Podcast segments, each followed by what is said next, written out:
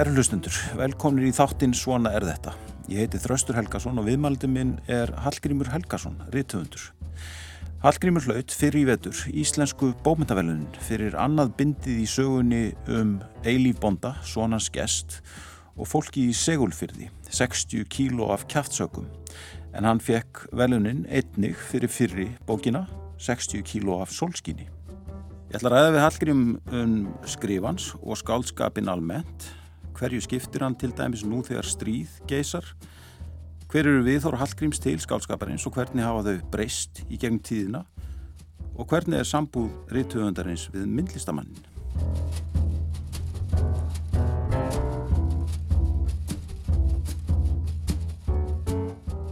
Hallgrímur, velkomin í þáttinn. Takk fyrir. Eh, Ég sé að þú uh, skrifa svolítið á Facebook um stríðið í Júkrænu. Hvernig svona, hvers mega bókmentirna sína á tímum sem þessum? Það eru vannmáttuða bara að standa svolítið svona eh, bara magnum vana hjá og horfa á. Ég er nú alveg að reyna að miðla svona því sem ég sé á Twitter yfir á Facebook að því að uh, ég þekki hérna einn ukrainskan höfund, Andrei Kurkov og hann er svona, hann er nálagt atbyrðunum og maður svona færi þetta svolítið í æð og, og svo átti ég að fara hann á bókmyndaháttið í Lviv í, í sumar mm. þannig að mann finnst þetta að vera svolítið nálagt sér og, og svo var það þannig að ég var á bókmynda bókamessun í Vilnius dægin sem árásinn hófst og þar fekk maður stemninguna daldi mikið í æð mm. Þar stóð fólk bara grátandi og skjálfandi þarna á básónum á bókamessunni og, og raffinir að bókmyndakonur hrópuð bara á NATO sér til bjargar og Já.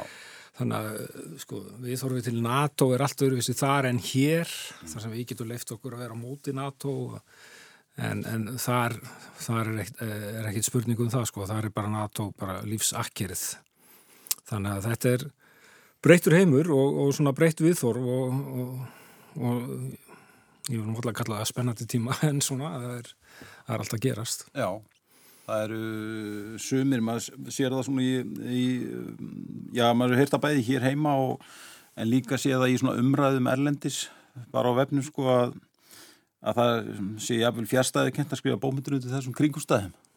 Þetta hefur svo sem heyrst sko áður náttúrulega í sögunni, það er náttúrulega að Adorno talaði til dæmis um það eftir ásvit sko, það væri, það væri bara ekki hægt til dæmis að yrkja sko lýrísku ljóð.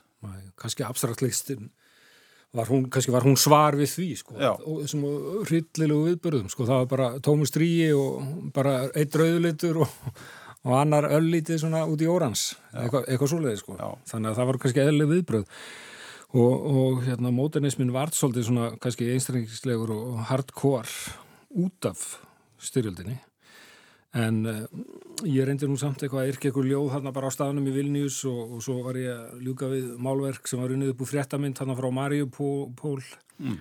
borginni við Svartahafi sem var lögði rúst og, og þetta reynir maður svona bregðast við og, og hérna á sinn vannmáttu og hátt uh, að því að maður getur ekki staði hlutlaus hjá og mann finnst þetta svo erfitt og styrjaldir hafa náttúrulega verið uh, undanförnum árum í Sýrlandi og Afganistan og Georgi, Tjetjeni og alls konar stöðum sem að kannski eru fjær okkur og Sýrlandsstríði var svolítið óskilinlegt en, en þannig er þetta orðið svona ansinálat okkur, ég meina maður, ég átti að vera hann í júli til dæmis, bara í Úkrænu og, og þetta er svo einfalt, hann bara ræðst inn í landið, uh, einhver pyrraður einræðisherra, þannig að þetta eru, þetta eru skýra línur, mm. fólkið uh, gerði uppreist þarna á Mætentorki 2014, þar snýrist baráttan um það að þau vildu ná tengingu við Europasambandið, vildu verða svona líðræðis þjóð, vildu hafa frelsi, vildu hafa mannréttindi, vildu ekki búa við einræði. Gegn því að hinn öflin vildu, vildu að Ukraina væri undir áhrifavaldi rússa, undir Putin og þarna um þetta stóð baráttan sem að laug með því að fólki sigraði og, og hérna það fór töðunar á Putin mm. og að því líka þetta var akkurat á sama tíma sem að hann var með olimpíuleikana í Sochi og vildi baða sig í þeim ljóma þá var, þá var þessi, þessi óerðir hann í kýfa að taka alla fyrirsöknundar frá hann sko. þannig að þetta er svona búið að byggjast upp lengi Hvernig finnst þér þessi karakter Putin? Það, það, er, það, er, það er einhvern veginn það er eins og honum hafi ekki verið tekið alvarlega, eða hann hafi ekki verið tekið alvarlega í svona af, af vestru veldónum í mörg ár, hann hefur komist upp með alls konar, Já, alls konar hluti. umborin, þetta er, svipað og hvernig vestuveldin tóku Hitler í byrjun sko, mm. það var alltaf verið að svona já, já, við verðum bara sætt okkur við þetta, hann var byrjað að, að mismuna fólki og, og ráðast inn í land og og Putin alltaf frægur fyrir það að hafa drefið bladamenn, drefið stjórnaranstæðinga eitrað fyrir hinnum og þessum ráðust inn í þessu og þessi lönd og riðskoðun í gangi og, og náttúrulega bara klassísk svona rúsnesk valdastefna því að glæpa gengi hefur náttúrulega alltaf verið í Kreml og alltaf verið einhver innráður alvaldur þar sko. Er bara, skipt ekki máli hvort hann heiti Putin, Stalin eh, Nikolás Keisar eða Ívan Grimmi þetta er staðið allt frá allt frá tímu með Ívan Skrimma eins og Gunnar Þorri Pétursson sagði um daginn í viðtali mm. þetta er bara alltaf sama manngerðin og alltaf sama sami valdastruktúrin og ég kom að 2007 uh, og það sló mann svolítið sko þegar maður gengur um Kreml hvað þessar hallir það er kallað í raun á keisara á ein vald sko já, já. þetta er bara líkur í arkitektúrnum það er eins og einræði sé múrað inn í múrin sko já og það verði ekki takt að breyta því nema að þá kannski bara sprengja þetta allt til grunna eða ég bara sé ekki Rúsland fara líðræðis leiðinar sko. Já, sko ég veldi fyrir mér verður það eitthvað skýrara fyrir rítuðundum og listamönnum hvers vegna þeir skrifa á svona tím? Já, það, það brínist aðeins það yttast aðeins blíjandurinn, myndi ég að segja Já. og við vorum alltaf búið með COVID í tvö ár og svo kemur ríkistjórnin á miðugudegi held ég og, og lýsir því að nú séu öllum hömlum aflétt og allt frelsi bara komið tilbaka og við erum búið með COVID. Já. daginn eftir að það stann inn í Úkrænu þannig að við fengum einan ótt í pásu frá einhverjum stórviðburðum sko.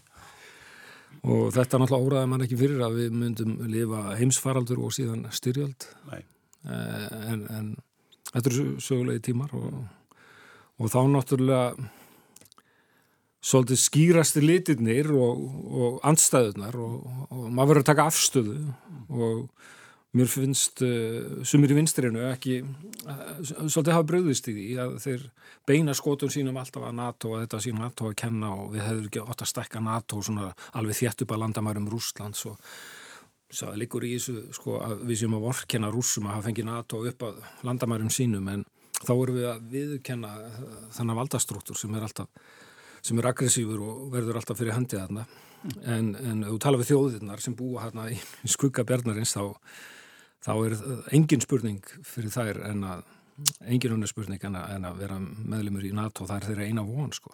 Mm. Þannig að þessar línur eru mjög skýrar og mér finnst að við verðum að taka afstöðu með þessum þjóðum gegn, gegn Putin sko. Mm hérna annur spurning kannski bara beint út á þessu sko hugmyndafræði skiptir skiptir hugmynda sko, Man, mann finnst eins og hugmyndafræði bara eiginlega síðustu 20 ár hafi ekki skipt miklu máli í listum og bómyndum Nei, það hefði verið svolítið 20 staldar fyrirbæri. En á þetta eftir að skerpa ykkur á slíkar línu er það eitthvað tilfinning? Það gæti verið, þetta er samt svona óþægilega mikið, mikið endurspilun á kaldastriðinu orðræðan er mjög svipuð. Mér finnst þetta nánast eins og mann man segja flekt tilbaka til 1939 og það sem við verðum að taka afstöðu til Hitlers og sumir eru svona soft on Hitler og aðrir hardir og sumir vilja bara setja NATO í stríð og aðrir eh, lempa málinn og umbera öll annar hrylling sem er í gangi. Mm. þannig að þetta er erfið aðstæða og, og, og svolítið leiðilegt hvað þetta er fyrirsjáðanlegt og, og svona hefur, við höfum síðan þessa leiki eh, verið leikna áður. Mm. þannig að þetta er ekki nýtt. Nei, en uh, það er rétt hjá þeirra frá því að múrin fjall þá hefur verið svolítið svona frítt spil hjá intellektúlum og, og, og listafólki og rítöfundum og svona svona víður og stór leikvöllur, það hefur verið alþjóðavæðing, eh, við hefum haft samband við allan heiminn og allir hafa verið frálsir að fara hvert sem er og fólk komið hingað og góður tími í rauninni sko. góð degla og, og mikið frelsi. Við ættum ekki að kvart yfir þessu kannski. Nei, alls ekki.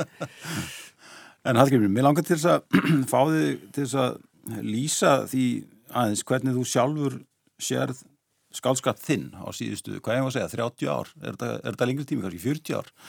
Mm. uh, Fyrsta bókin kom út 1990 Já, en þú varst byrjað að skrifa fyrr. Já.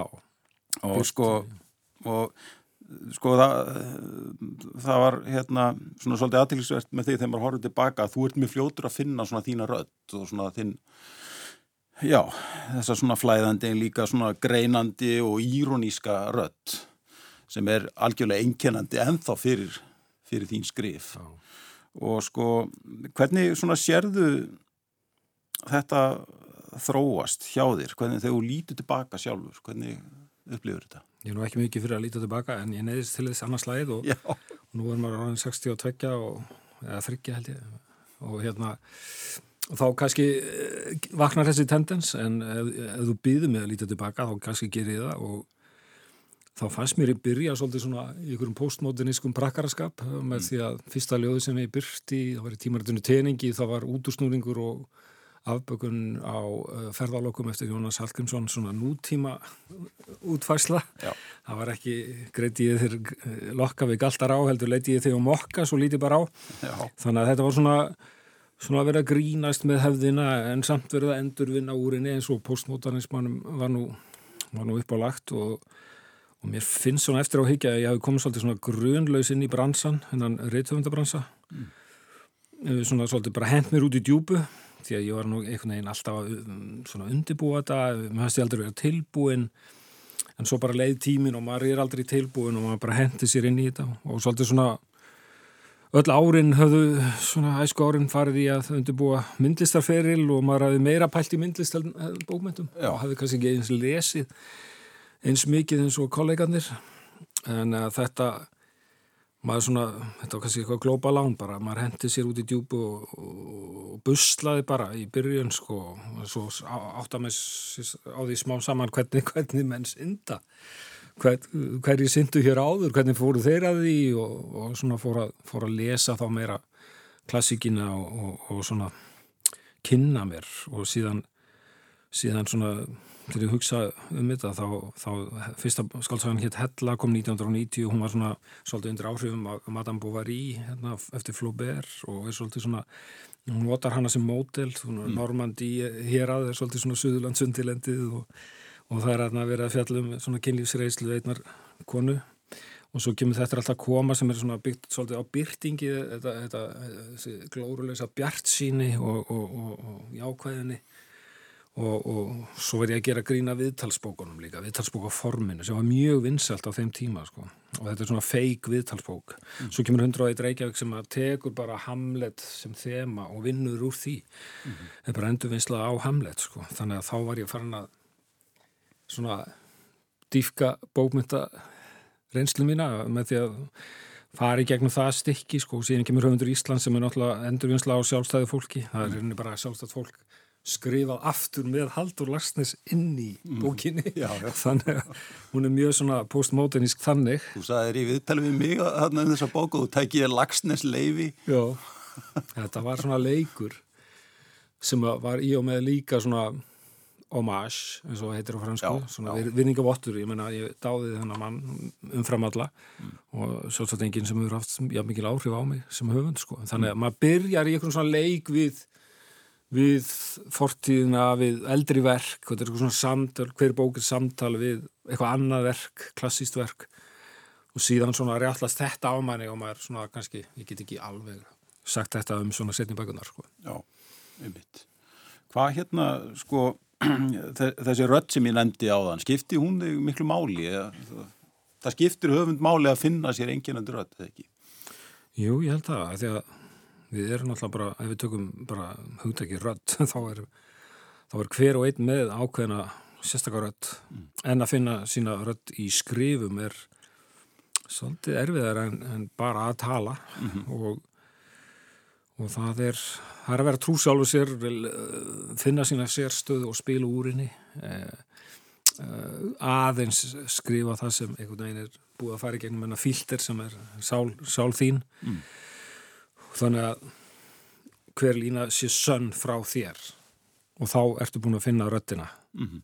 og ég, mér fannst ég finna hana algjörlega í þetta alltaf koma þá sem, sko, í skálsagnaröðina sko. Ég var búin að finna hana í svona pislum í útarmann hattan jú, jú, það var svona flæði, það var svona nánast engin punktar og komur það var hérna bara streymi Já. og Sú, það, það, það hafði heilmikil áhrif.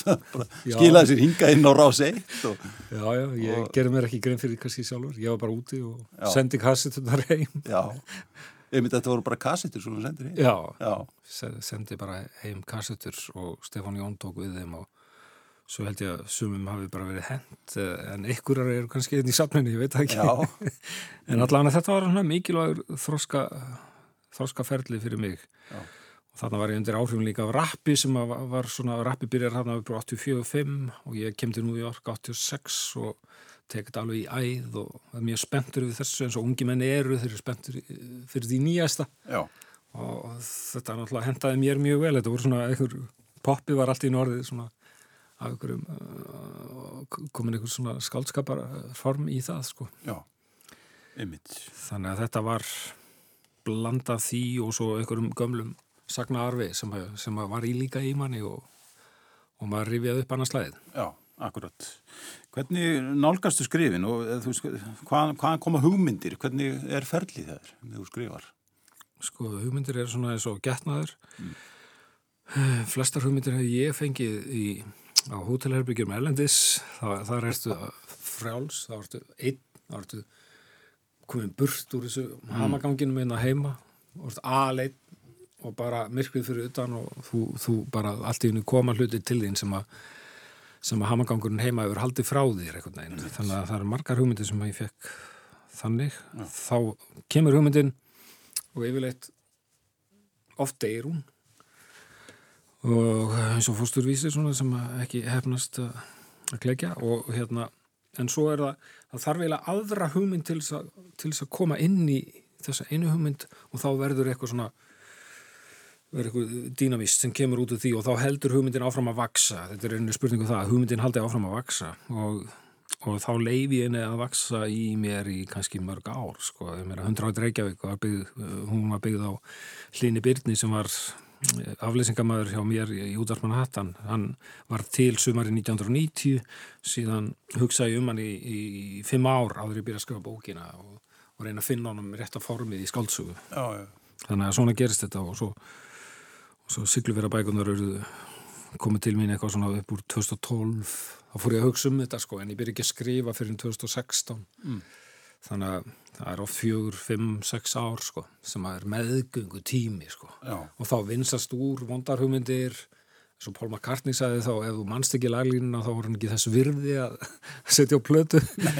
Þannig að vin, minnið er doldið góður svona, það er góð vinsla í því sko. Já. Og síðan bara ferðu og sest við og er svo hérna þetta að segja þegar hugmyndin lætur ekki friði lengur þú verður bara að setjast og komin í frá þér Já. og byrja að takast á við hana þá er þetta bara svona spurningum að vinna þá bara skrifa maður fyrstu setningun og svo eins og vevari svona bara bætir einn og einn við sko þángar til að konar 300 blaðsýður eða meira Já, lestu mikið? Já, ég reynir svona svolítið, ég las ekki mikið svona, svona framanaf En svo, svo læriðis mér það að þú verður að lesa til að halda þér á tánum til að þroskast sem höfundur og, en um, eins og margir höfundar hafa sagt þá, þá er erfitt að lesa akkurat þegar maður er að skrifa í miðju mið, mið, atinu sko, þá, þá er það trublandi að hella sig inn í annað skáldverk þegar maður er að reyna að byggja upp sitt eigið sko. mm. En uh, ég reynir svona, hef svona fyrir reglu til dæmis að lesa alltaf eina, eina svona stóra klassik á hverju ári, eina íslendingus á hverju ári og, og svo reynir ég að fylgjast með því nýjasta sem er gerst á Íslandi og svo aðeins út í heimi og, og svo er spurningum að lesa bækur eftir fólk sem þekkir og, og bækur sem eru í umræðinu allt í kemst eitthvað bóki í umræðina þá ertu forvitin.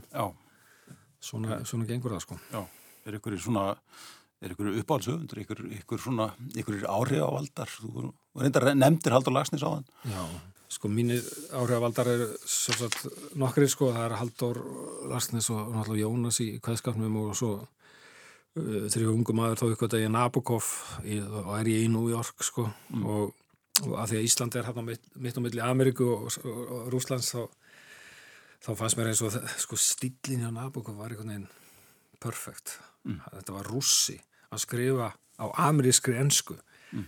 og á svona brilljant hátt og það hefði mikil áhrif á mig og ég, ég hérna, tók mikið frá honum og svo, svo var ég nú heimagangur hérna á Sifústi Daðasinni og hann hafði náttúrulega áhrif á mann og líka bækurnar hans, hvernig hann, hún tekst að setja svona þyngd í orðin sko, ljóðlist snýst úr mikið um það sko, koma, koma aukinni þyngd í orðin mm.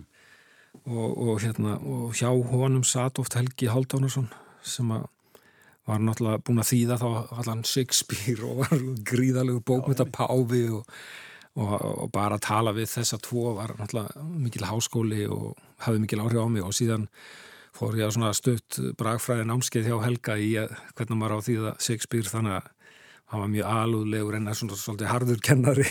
Og, og það var bara ómetanlegt að, að fá, fá svolítið svona ráð frá honum og, og svo en svo, svo eru svona alls konar höfundar sem hafa haft áhrif á mann og, eða bókmyndafræðingar eins og Harald Blum til dæmis kannski hefur haft mest áhrif á mig svona varðandi bókmyndinar almennt þessi áhersla hans á karakterinn hefur alltaf fyllt mér sko. mm.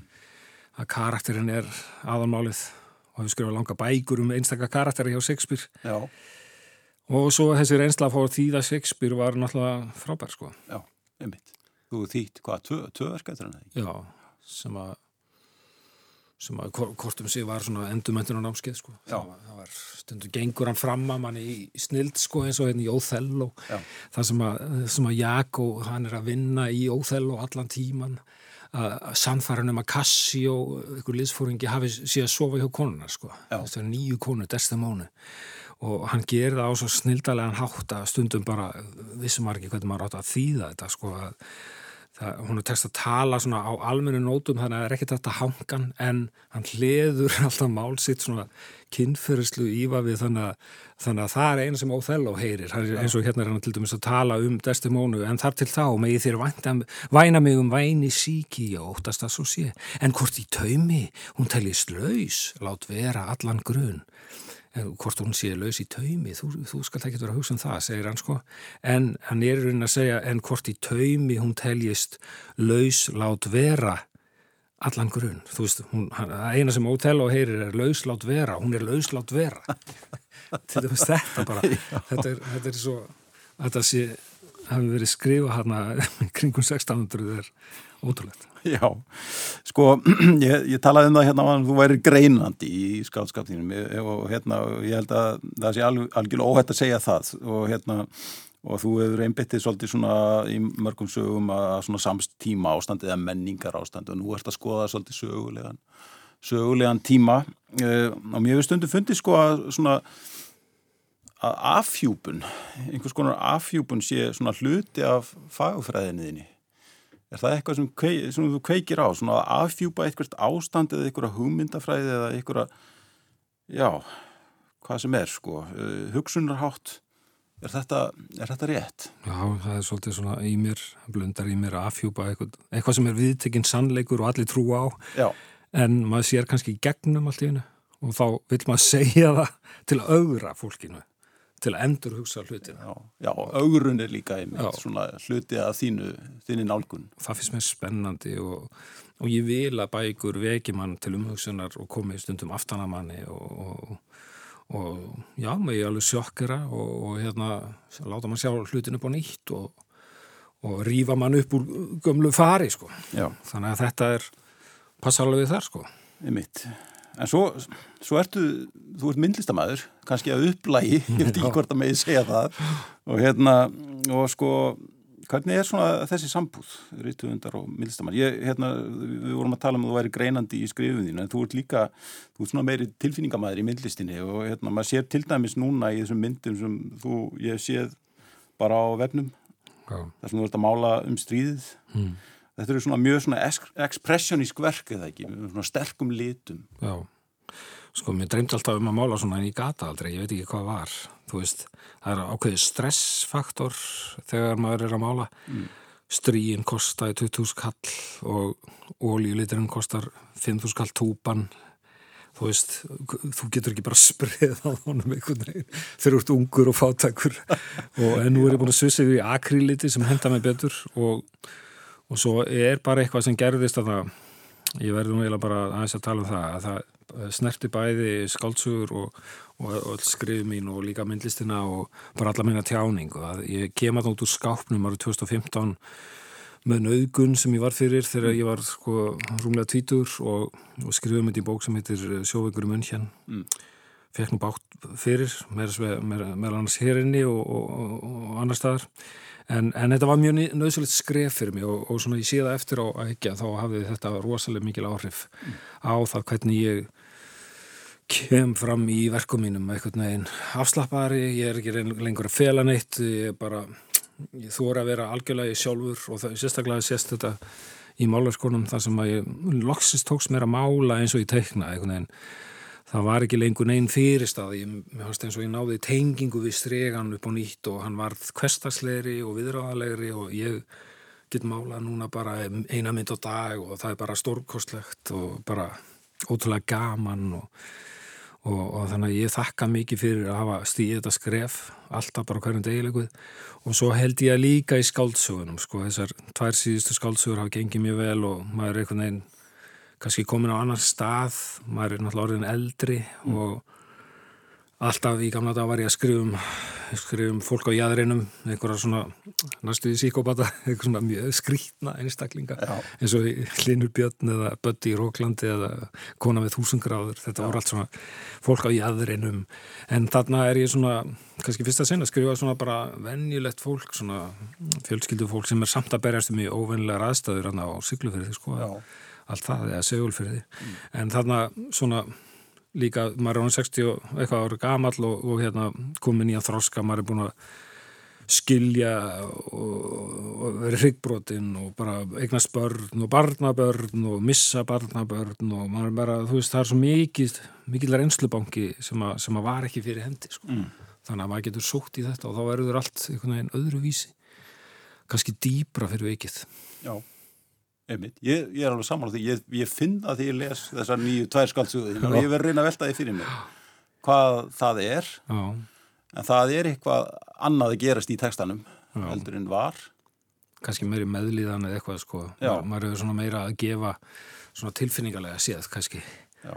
En þess uh, er þetta fyrir mig að útskýra þetta. En, en svona þetta er, þetta er mín hugmyndum að, að, að mér finnst ég aðeins svona breyttur höfundur og málari eftir, eftir 2015 sko sko, mér langar líka aðeins til þess að tala við um, um, um bara bókmendir, hvernig svona, uh, hvernig, hvernig þú upplifur eða sérð svona íslenska bókmendir á síðustu árum og ártugum. Hérna, hefur, hefur eitthvað breyst finnst þér svona á síðustu, til dæmis á þessari öld? Já, mér finnst það, svona, það var svolítið svona stífur, kaldranlegu bransi sem ég kom inn í fannst mér.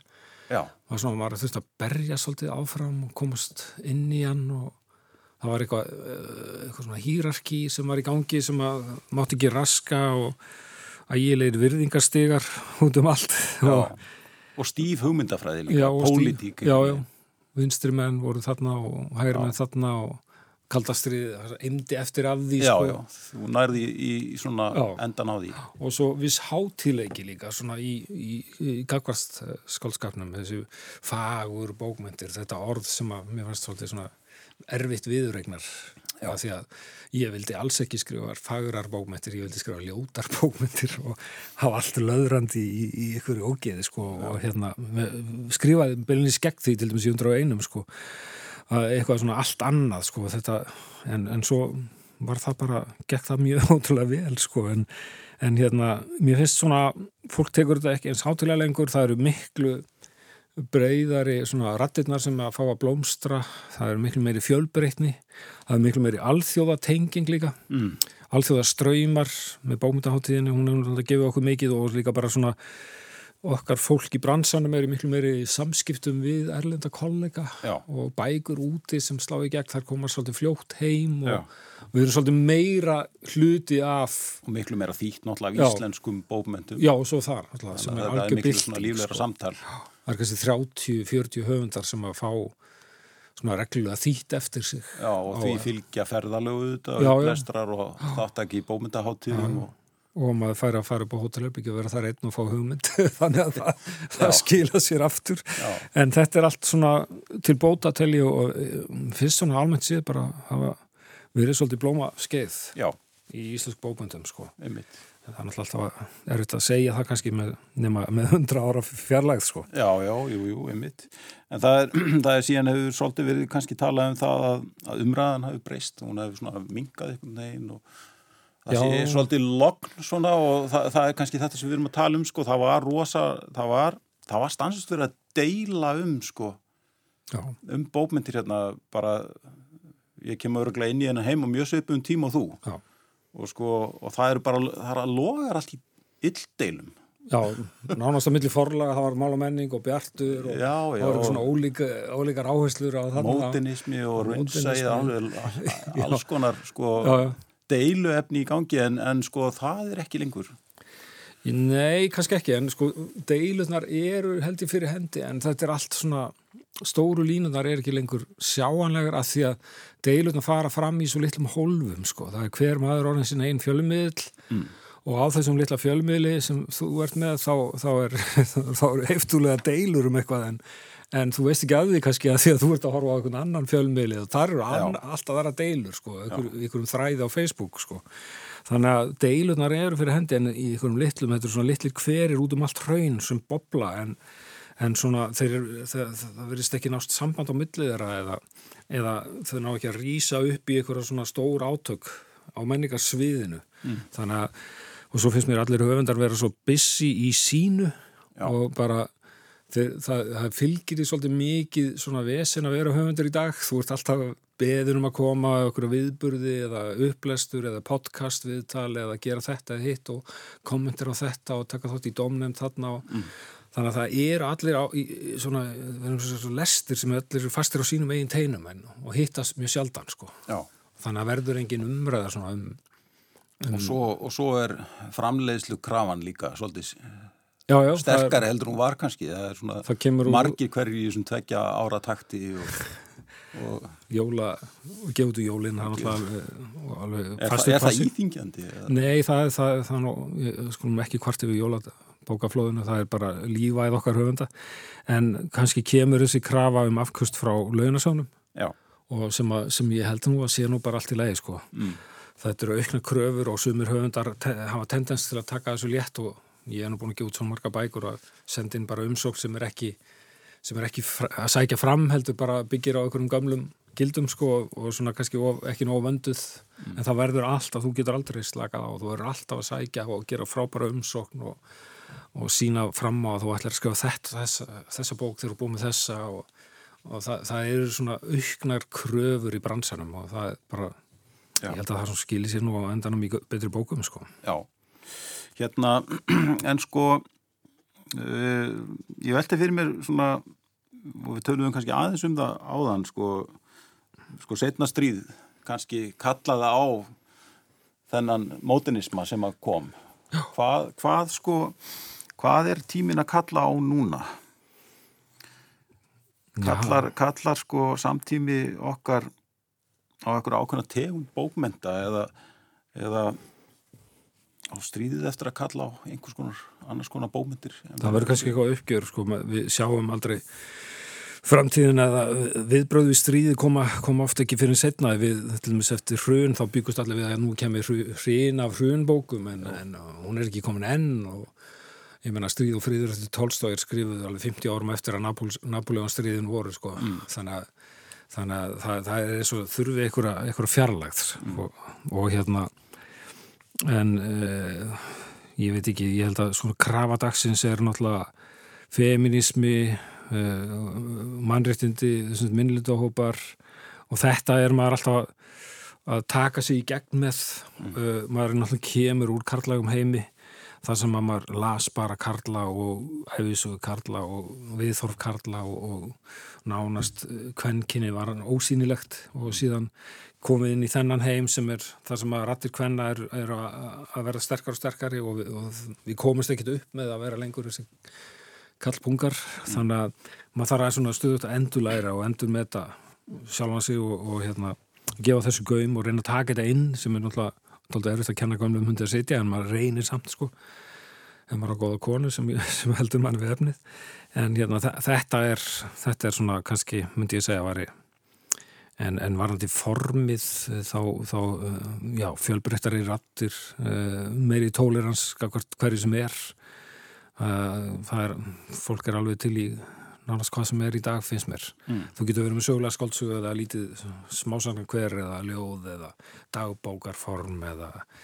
eða sjálfsæfisögu það er mjög bara svolítið fjölbreytni í gangi sko. Já, ég, ég var með svona eh, nokkra höfunda hérna hjá mér á, já, á síðast ári. Uh, og þeir töluðu talsund um það sko að það væri að svona megin krafa núna væri raunsægi og kannski vegna þess að viðfónsefnin eru ykkur neginn svolítið yfirgnæfandi, stóru viðfónsefnin eru yfirgnæfandi, þú veist það eru, það eru eigðing lífríkisins lofslagsmálin og allt þetta. Ja. Uh, svona sigur tækninar yfir innu mannlega. Mm -hmm. og, og svo núna bæti stríði við, er, er svona er raunsæði leiðin, leiðin til þess að nálgast þessi stóru umfjöldunarefni, frekar heldur en viðbræði sem var til dæmis eftir setna stríð sem var einhvern veginn þá, þá var leiðin út úr raunsæðinu eiginlega. Já, en sko það er líka til leið inn í raunsæðið og þar inn í raunsæðinu getur þú gert hvað sem er þar ertu komin inn í mannesku þar sem mm. uh, þú getur verið súrealiskur eða abstrakt eða, mm. eða drömkendur eða, og það finnst mér alltaf spennandi sko, að vera ekki bara realískur heldur líka lýsa þessu innra lífi og koma með svona fabuleringar og, og, og svona abstrakt útskýringar eða mjög svona hluti sem eru mjög svona á tilfinningarlegu sviði. Já, við hefum það kannski til í umræðinu að, að að einfalda þetta hugdagur raunsægi mjög mikið. Já, já, en raunsægi er náttúrulega kannski ráðandi að því að við erum alltaf að fá nýja græjur og nýjan, nýjan veruleika mm. og við erum alltaf bara svona rétt að reyna átt okkur á honum sko, mm. þessum sneltækjum og öllu þessu og það er allt svona mikill realismi í því en, en þetta eru, lifum við innra lífi og, og ég er alltaf hrifnastur af, af þessum realisma sem leifir sér, sko, útudúra leifir sér, sko, hérna, að fara inn í mannskjuna og vera með svona andlega þáttin líka eins og ég var að lesa Prúst á síðasta ári og fyrsta sinn og það var stórkoslegt og frelsi sem að leiði sér í því að, að vera svona mjög nákvæmur eins og hann er svona skurlæknir á, á sáleina sko og þú vissir ekki að þú hefðir þessa tilfinningu en, en þú uppgötar hana þegar þú lest Prúst og hann myndi taka tvær blaðsýri að lýsa bara hérna hljóðneimann sem er á millokkar og Já. okkar kendum gagvart þessum hljóðneima og hvaða kendir hann kveikir í þínu höfði eða mínu höfði og, og hann, hann fer ótrúlega langt inn, út úr realismanum sko þegar hann, þegar hann byrjar í því. En er samt realiskur allan tíman sko. Og þetta er, þetta er svona höfundur höfundana myndi ég segja, þetta er alveg svona drauma höfundur að lesa fyrir höfund því að þarna sérðu hvað getur leiftir í skálskap og svo er þetta náttúrulega bráðfindi í, í, í bland sko og geysilegu mannþekkjari og stórkostlega lýsingar. Já. Hérna aftreyingar Þetta, sko, við lifum á tímum svona alveg allt um vegandi aftræðingar og sko ég, ég ger bara ráð fyrir því að þú horfur á Netflix eins og ég sko. Hvað hérna hefur og, og þú veist samfélagsmiðlar og allt þetta sem bara hérna getur upp tíma okkar og aðtigli sko. Hefur þetta áhrif á þín skrif eða hvernig þú Já, ég býður nú alltaf eftir að komast í að skrifa um þetta allt í einhverju samtíma skáldsögur sko, sem, sem að býður hérna einhver starf í bankanum. Já. en hérna Ég er nú eiginlega svo tilhættur að horfa á Netflix og sjónvarp almennt og er bara svona klukkan tíu komin upp í rúm með bók sko. Mm. Þannig að, en ég finn svona hvernig samfélagsmiðlarnir geta manna innan og geta manna upp og alltaf meira og meira eftir því sem aldurum færist yfir þá ámar erfera með þetta að halda öllum þráðum gangandi í einu að vera sagt, á, með eitthvað Facebook-reikning og, og tvo Instagram-reikninga, eitt fyrir myndlist og eitt fyrir uh, rittvöndin og, og kommentir á það sem var að gerast í gæri í, í morgun, þú veist. Reyna að vera með í umræðinni kynna sér það, ég er nú alltaf spenntu fyrir að vita hver, hver viðbröð fólks eru við einhverjum álitamálu sem koma upp sko, því að mér er svo spennand að vita hvað fólk segir. Já. því að fyrstu viðbröðin er svona, þú veist ekki alveg hvernig átt að taka þessu eins og Sigur Ingamálinu með rasismann hjá honum. og hvernig það endur speglast í samfélaginu. Vill fólk að hann segja af sér eða ekki? Þannig að það fyrir alveg svona að fara dágóðu tíma á deginu fyrir þetta. Ég reynir samt að takkmarka við fimm minútur á klukkutíma. Því að ég verði að halda mér efnið að skrifa og svona.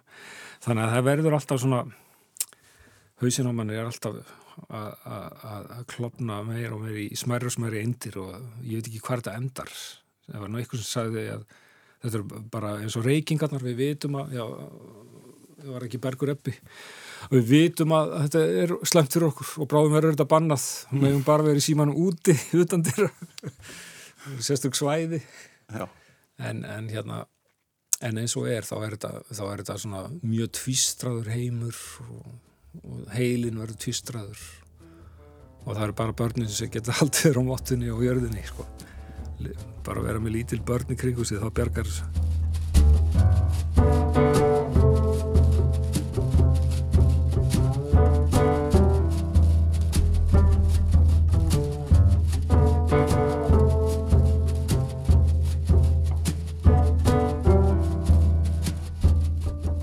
Kæru hlustundur, ég heiti Þraustur Helgason og þið eru að hlusta á þáttinn Svona er þetta. Gestum minna þessu sinni er Hallgrímur Helgason, reytuhundur. Í þessum þáttum hefur verið rættið forðilegt fólk úr ímsum kemum samfélagsins um reynslu þess og viðhorf.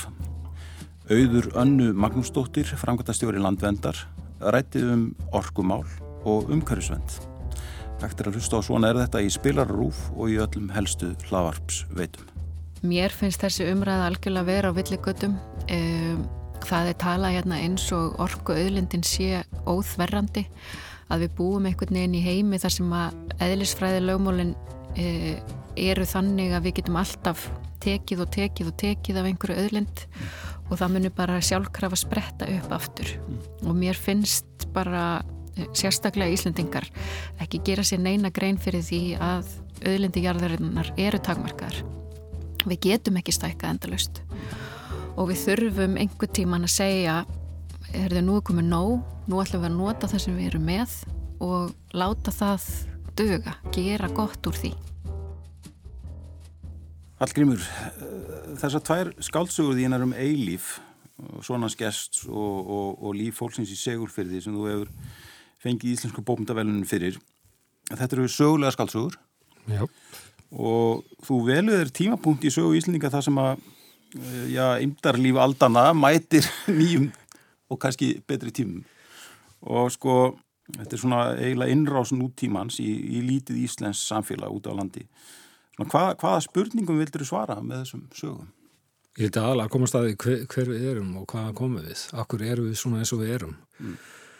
Þetta var svona rannsóknarefni í, í bland í bókunum og svo vildi ég segja þess að reyna að segja Íslandsöguna norðan frá að því að þið reykjum ég á það að síldarþátturinn var ekki svo mikið inn í Íslandsögunni til dæmis segjum við enga skáldsögur frá síldarárunum og sykló nema að Guðskefa þölu og mér finnst það skrítið.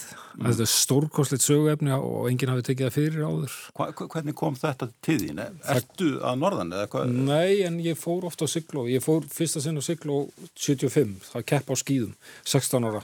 Kem hana bara og, og fyrir mér er þetta bara eins og komið til fene ég, ég var bara hugfákin sjá þessar uh, fúnu bryggjur og maður skinnjaði bara hérna hafi eitthvað stórkosleitt gerst. Já. og bara andin og staðinu var slíkur. Mm en það voru náttúrulega bara, bara sjö ár síðan að síldin fór, hafið farið sko. Mm. þannig að ég fekk þetta snemmi æð og svo fór ég á nátt á skýði ég er náttúrulega á hús í Rísei og hefur verið þar frá 2003 og hverju sumri. Og maður hefur svona þetta norðrið í sér sko sem var nöðsilegt til að geta að skrifa þessa bækur. Því að þetta er aðeins önnu menning annar lofslag líka og svona önnu byrta og svo fór ég ofta á sílduminnarsafni og var búin að fara í sjösunum held ég og alltaf jafn hugfangin þegar ég sé hérna lóksins tvær myndir af Siglufyrði 1880 og svo 1920 minnum ég annars vegar þrjú hús á eirinni algjör eind hinnum einn stórborg, mm. stórkostlegt. Alveg bara fimm hattabúðir og þrjö rakarar og ballákverju kvöldi og rjúkandi skorstenar og sérði ekki fjörðin fyrir skipum og allt á fullu bara. Ég er bara, mér finnst þetta ótrúlega hvað hefur gerst þarna.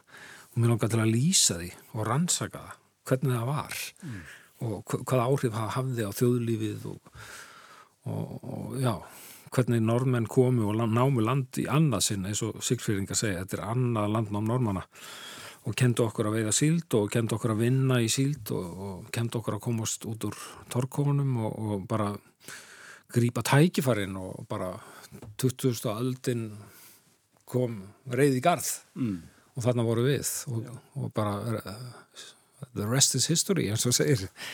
Og þetta var kannski svona undirstaðan undir velmögun á 2000-öld þetta síldaræfintýri þetta langaði mig til að fjalla um í skáltsugu en svo bara var ég búin að skrifa 300 síður á fyrsta bindi og enn var ekki síldin komin þannig að ég þurfti bara að drífa í að síldin kæmi hann á síðustu, allra síðustu blaðsjónum þannig að, og þá var ég að skrifa aðra bóks þegar þá var síldin virkilega komin og svo náttúrulega reykið mig á það þegar ég bara búið með hana að það verður að koma þriðja bókin og því að nú er framöndan stjættabartan og kreppu árin og það var rosalega tími líka sko. Mm. Þetta er mikið efni. Já, þetta er rosalega efni og hérna mér finnst einhvern veginn undinir og undinir í mörgum af þínum bókum er svona einhvern veginn rannsóknin á, á Íslendingnum Já. Er það, er það rétt? Já, það var alltaf... Bara eðli íslendingsis. Þessar fyrðulegu alhafingar sem að koma annarslæðið hjá mér sem, að, sem er held ég bara undir áhrifin frá Lagsners því að hann var náttúrulega í þessu líka að segja Já. okkur til syndana og segja okkur hvernig við, hvað við vorum arsnaleg og kenna okkur að tampust okkur og hætta að rækja og taki nefið og eitthvað svona og hann var með þessa upp, hann var í uppalenda hlutverki sko. Uh, ég, ég segi nú kannski ekki ég segi því en, en svona svona í og með þá hef ég rosalega áhuga á þessari þjóð af því að mér finnst hún mjög spes og sérstök og skemmtileg og mér fegin að vera Íslendingur og, og dái þessa þjóð því að hún er mikil sagnaþjóð og mikil sagnabrunnur og er að segja sögur allan daginn og er mikil bókmyndaþjóð, les mikil og, og er sífælt að sko. Eðli Íslendings, getur ykkur neginn orðaða? Já, ég eh, sko vildi geta einni setningu en, en ég get það ekki. Og þess vegna er ég alltaf að skrifa þessu bækur það verður alltaf lengur og lengri. En, en hérna, það er bara þannig að vera íslengur er og það er frábært að vera rítuðundur á Íslandi það er bara eins og að vera í einu e, Íslandi er eins og eitt stórt workshop fyrir rítuðunda því að þú hver sem kemur þá vil fólk segja frá einhverjum skrítum frænda sem býr fyrir austan og, þú, þeir vilja endilega þú notir hann í næstu bók eftir því og hvort þú megi ekki bjóða þér í glas líka og þannig að þetta er svona free drinks for the author dæmi, þannig að við erum alltaf, það er alltaf fólk að hjálpa okkur. Síðast í gæri var ég að lesa upp á, í Seldutanessi í, í bókasafni Seldutanes og þar var ansi klár maður, hann Jónatan Hermansson sem kom með mjög góða punkta fyrir næsta bindi hann, hann bara gaf mér byrjunum á næsta bendi sko þannig að það er allir að hjálpa manni og, og það er ótrúlega að finna það sko hvað, hvað þetta hittir vel í mark og fólk er til í þetta og mikið hlusta á hana líka á Storytel mm. þannig að þetta hefur verið mjög skemmtileg reynsla Hvert ferðu eftir svona eftir þennan hva, þetta er þríleikur, ekki satt?